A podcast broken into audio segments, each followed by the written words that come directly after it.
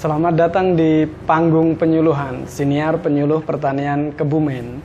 Sahabat Tani, ini hari ini saya sedang di ruangannya Bapak Camat Pejagoan, sahabat Tani. Ini di samping saya ada Pak Kinanto SIP. Benar ya Pak ya? Pak SIP, Pak Kinanto SIP, Camat Pejagoan Kabupaten Kebumen. Ini beliau kenapa kami podcast pada hari ini karena konsen terhadap pertaniannya luar biasa sahabat tani. Beliau dulu pernah di Alian bareng kami, saya di Alian.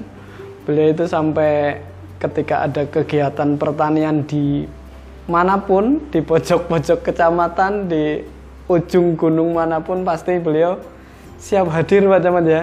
Sama pada hari ini tadi kami habis dari mana tadi Pak Camat di desa Pak di Kecamatan Hambal. ke, oh di Ambal ya itu Dalam it- rangka acara Pak Bupati. oh tadi hari hari tadi Iya. ya mumpung kebumen ya boleh disapa sahabat tani panggilannya terhadap pemirsa Pak Pak Camat Sahabat tani Ya. eh, di seluruh penjuru di mana pun berada, saya dari Pejagoan, salah satu kecamatan di Kebumen, menyapa Anda. Mantap sekali nih. Ini ngomong-ngomong katanya beliau itu Pak Kinanto SIP, SIP-nya itu dengar-dengar itu plesetannya sarjana ilmu pertanian ya Pak? Iya, apa Iya. kita memang saya plesetkan itu karena memang harus harus ke sana lah. gitu. Harus ke sana. Iya.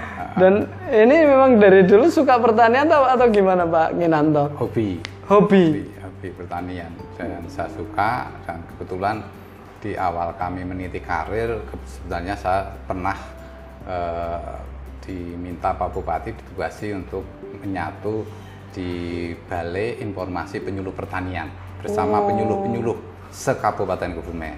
Dulu memang sahabatnya penyuluh ya? Penyuluh, iya. Waktu tahun BIPP itu ya? Iya, awal-awal BIPP tahun tahun 90-an lah. 80 90-an kurang Iya, lebihnya ya. ah. Itu ada Balai Informasi Penyuluhan Pertanian waktu itu yang sekarang nggak tahu ke mana. Semoga aja bisa ada lagi besok ya Pak ya. Ah, menyatu. Karena itu penting ya, Iya, strategis. strategis dan beliau pernah di situ ya, pernah Iya, salah satu perangkat di sana. perangkat di BIPP tahun itu. Berarti sahabatnya penyuluh-penyuluh Kebumen yang senior-senior masih hafal nih Pak masih ya? masih yang senior masih ya, Yang senior ya, kalau saya kan baru kemarin sore Oh, iya. Pak. ah, masih tapi dulu saya sangat masih muda Iya. kebetulan juga senior senior dulu eh, sudah mulai sekarang sudah mulai pada pensiun Udah purna. masih satu dua dan tiga teman masih hafal Eh Pak Kinanto masih lama ya? Purnanya kira-kira Eh, kapan Pak? satu Mei nanti 1 Mei tahun ini 2023. Iya, jadi satu bulan lebih berapa ini nanti saya Hmm. harus mengakhiri tetapi jiwa pertanian Allah hobinya karena di sana ya. Jiwa pertaniannya hobinya beliau nih Iya. ya. Jadi di sela-sela kesibukannya beliau itu di- sebagai camat yang harus mewakili Pak Bupati di Kecamatan Pejagoan ini otomatis nggih Pak. Iya. Itu ternyata masih sempet aja. Ubinan juga ikut apa panen apa pun ketika teman-teman penyuluh informasinya itu Pak Camat itu selalu ready siap kapan pun Insya Allah. untuk Iya. untuk berkegiatan bersama penyuluh pertanian di Kecamatan Jagoan Iya. ya Pak Camat Seperti ya. tadi saya rapat dipimpin Pak Bupati di di Santak itu, Iya. itu saya di kontak sama uh, rekan kami penyuluh, Iya, koordinator BPP penyuluh ya. di uh, Pejaguan, apakah bisa menyertai untuk apa ke sebuah lokasi pertanian, saya siap langsung. Langsung meluncur. siap, Iya. Luar biasa sahabatan ini.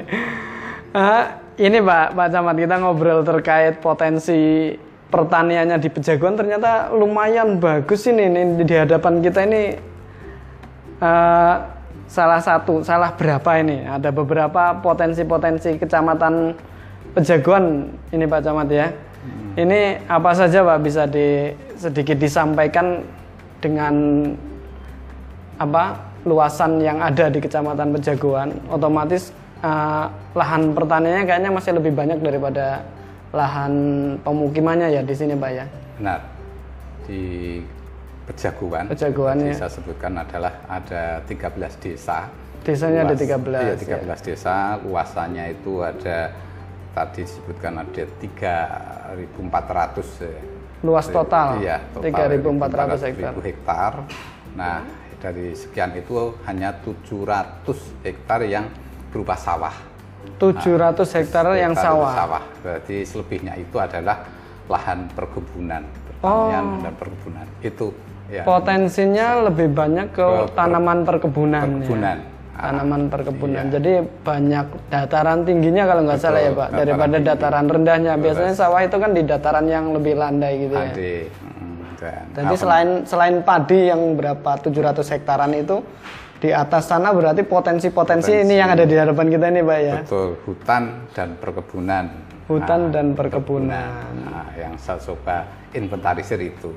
Oh, gitu. Nah, sementara SDM-nya adalah eh, ada 53 kelompok tani yang Hafal ini Pak Camat ini dan satu kelompok rata-rata 25 orang. orang anggota. 53 kelompok Iya. tani satu kecamatan ya. Hmm, gitu. Ini melebihi penyuluh sahabat ini pengetahuan tentang kelompok taninya aja hafal Pak Camat jarang-jarang Ya Pak. di samping ada peternakan Ada kelompok tani ternak juga ya. dan alhamdulillah eh, pejagoan ini yang tadi pegunungan itu eh, apa di ada satu sungai yang besar mengalir di sana yaitu Sungai Luhulo yang itu sedikit memengaruhi terhadap eh, pola apa namanya potensi-potensi yang ada di Potensi sini. itu ada di di sebelah utara eh sebelah timurnya kecamatan Timur itu ya. kecamatan, yang ya. membelah kecamatan Kebumen dengan Kebumen yang kecamatan Pejagoan. Kebumen dan Pejagoan. Bahwa Itu ada Sungai Lokulonya ya potensi itu. Iya, secara kewilayahan Pejaguan ini memang penyangga eh, kecamatan kota. Penyangga kecamatan, kota. Sehingga sebenarnya sangat strategis sekali kalau itu dikembangkan karena permintaan apa pun untuk kota Kebumen, kecamatan kota Kebumen yang Iya. konsumsinya sangat tinggi ini Hmm. sangat strategis sekali. Itu misalnya, mohon maaf di hadapan kita panen kelengkeng. Ini mohon maaf sangat tidak mencukupi dari kebutuhan permintaan. Permintaan Untuk di lokal Kebumen. saja gitu masih sangat kurang ya Pak ya. Sangat kurang sekali. Dan ini ternyata bisa tumbuh sebagus ini ya. Ada bi- ini asli asli daerah Pejagoan. Pejagoan ya Pak ya. Ini Salah sahabatan ya, satu- asli hasil Salah pejagoan. satu hasil kelompok tani di desa di ah, khususnya desa Kebagoran. Desa Kebagoran ya. Ah, di lembah salah satu di atas atau lembah di yang ada di Pejagoan ini yang sungai-sungainya mengalir ke arah tadi Sungai Luulo itu. Ini ah, Bisa ditanemin klengkeng. Klengkeng, iya. Produknya ya memang Enggak. salah satu ada hutan, perhutanan, itu kayu-kayu hutan, kayu-kayu tahunan. Kayu-kayu hutan Ah, ada. ah. Tapi sekarang mulai dikembangkan buah-buah komoditi hortikultura seperti klengkeng ini ya Pak ya. Betul, petani mulai cerdas sehingga tadinya hanya sekedar kayu tahunan, kayu albasia. Iya. Ah, sekarang sudah mulai ah, apa namanya? Yang bisa panen tiap bulan ya. betul, Diatur pasar itu ya. apa? Nah, petani sudah mulai cerdas ke sana. Ada Saya jambu sam- kristal juga di Peniron kalau nggak Betul. salah ya punya ah, Pak Sugeng itu. Ada klengkeng. Klengkeng, betul. Nggih, di sana dan mohon maaf ya termasuk Oh, iya. kan mendapatkan Ini. ah, ah, panen budin dan ini sudah diolah. Ini olahan singkong sahabat Singkong. tani. Ini namanya apa ini bahasa Indonesianya Pak Camat? gula, bahasa Gola. Inggrisnya gula. Bahasa Inggrisnya gula, Indonesianya nggak paham juga saya. Angka 8 dan ini menjadi makanan khas Makanan kita khas yang dipasarkan ke kecamatan kota. kecamatan kota. Ternyata produsennya juga ada di Di juga. Petaninya juga ini, singkongnya juga Singkong. dari Pejagoan. Iya. Termasuk ini nih, ini apa ini Pak? Yang ini nah, Pak? ini mimpi, mimpi saya ini. Wah ini punya mimpi nih Pak Camat Uh-uh. nih. Apa ini Pak? Nggih. Ini adalah hasil apa namanya produk dari sabut kelapa Sabut yang di kelapa. kecamatan sebelah.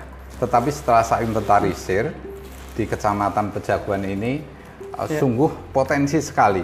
Jadi kelapa itu banyak, terus uh, pengepul kelapa juga banyak, Banyak. terus nanti penjual degan juga banyak. Nah itu hanya pada dibuangin. Ya, gitu. Sabutnya Sabutnya menjadi limbah, Ah, menjadi bermasalah limbah, mulai sampah ya.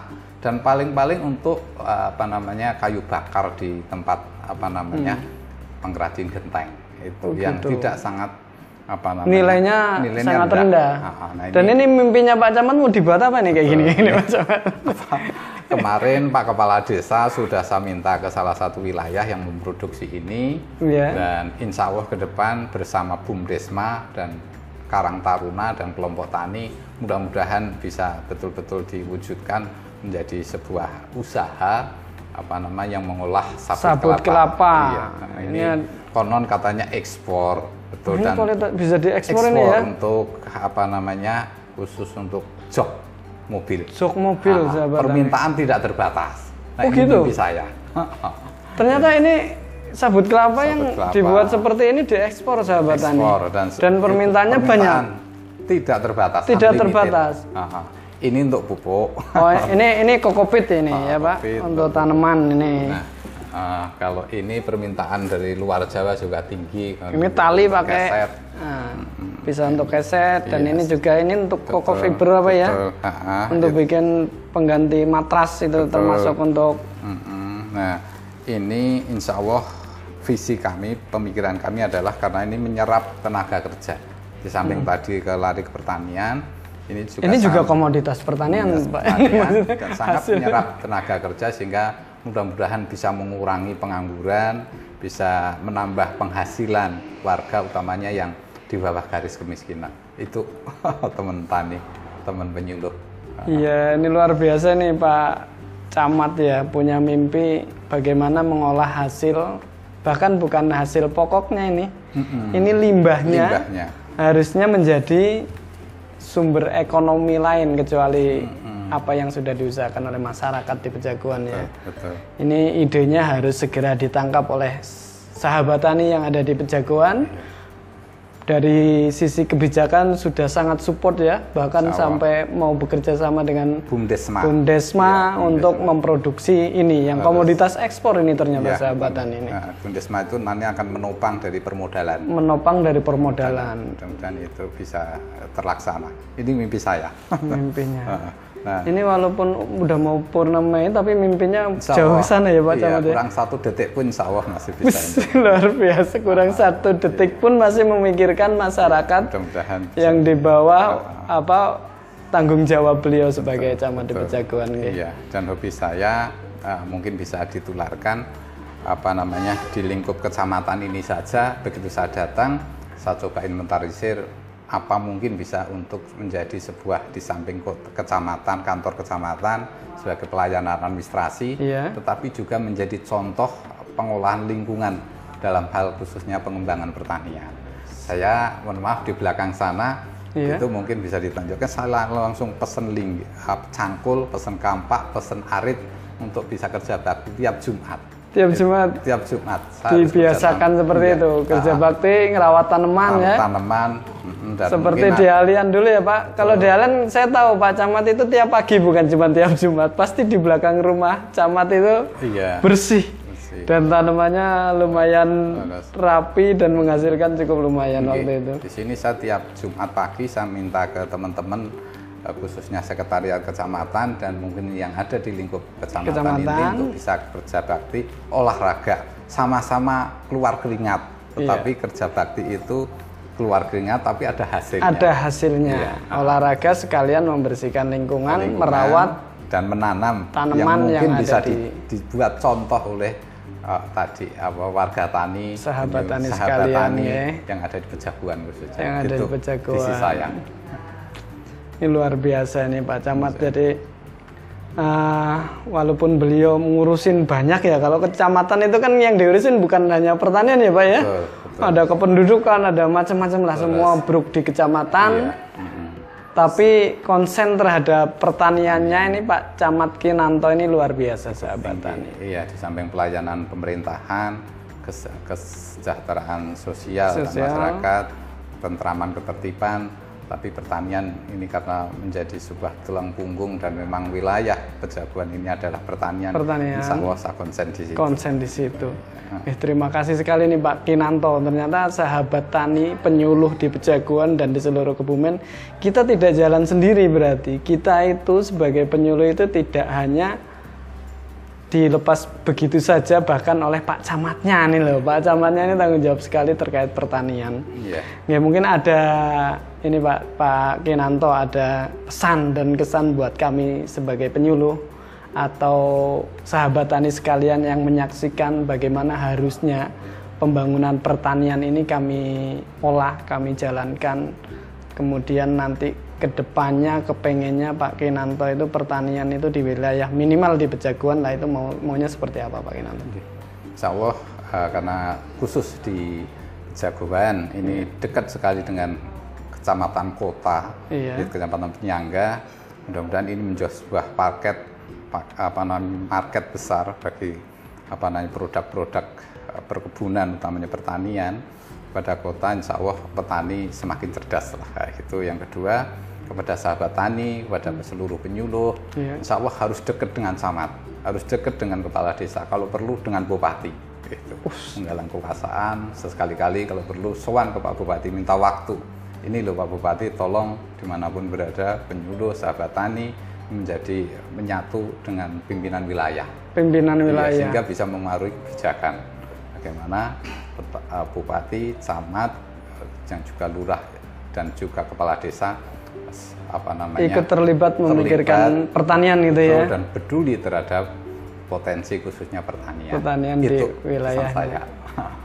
Eh, sahabat tani memang harus itu. Jadi kita sebagai penyuluh harus menyatu dengan Betul, pimpinan, wilayah. pimpinan wilayah. baik itu camat, bupati, gubernur bahkan presiden ya Betul, kalau bisa karena memang melalui kebijakan-kebijakan beliau itu pimpinan-pimpinan wilayah kita akan lebih enak jalannya membangun pertanian Nah, itu apa- nih Pak Camat. kekurangan, kendala apa yang dialami oleh sahabat tani, insya Allah ada di sana Ada jalan di sana keluarnya. jalan keluarnya.